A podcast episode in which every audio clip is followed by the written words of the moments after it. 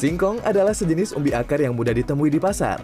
Cara menyantap singkong yang memiliki nama latin Manihot esculenta ini tidak selalu harus langsung dimasak, baik itu digoreng, direbus, atau dikukus, tapi bisa juga diolah menjadi penganan lain.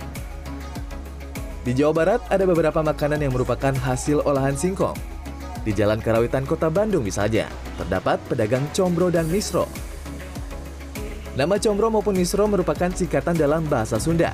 Combro merupakan singkatan dari oncom di jero yang artinya oncom di dalam. Sementara misro merupakan singkatan dari amis di jero yang artinya manis di dalam.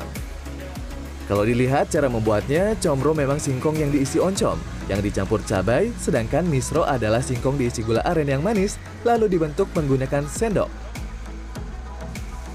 Setelah loyang penuh dengan cetakan, kemudian digoreng selama kurang lebih 5 menit hingga warnanya kecoklatan. Pedagang combro dan misro yang sudah berjualan sejak tahun 2018 ini membutuhkan 20 kg singkong dalam sehari dan bisa menghasilkan hingga sekitar 1000 combro dan misro. Makanan olahan singkong lainnya yang sudah menjadi makanan khas kota Kembang adalah peyem. Peyem bisa dimakan langsung, namun ada juga peyem yang diolah menjadi makanan khas lainnya yaitu colenak alias dicocol enak. Salah satu colenak legendaris di Bandung adalah colenak Murdi Putra 3 yang berada di Jalan Kembang Sepatu. Cara pembuatan colenak ini masih sama sejak pertama kali berjualan tahun 1930, yaitu satu persatu peyem dibakar menggunakan arang. 50 kg peyem akan selesai dibakar selama 3 jam dan pembakaran ini dilakukan seminggu dua kali.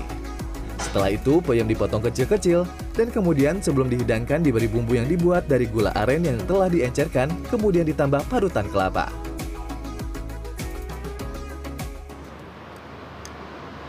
Jadi rasa peyemnya itu sendiri kan udah asam-asam.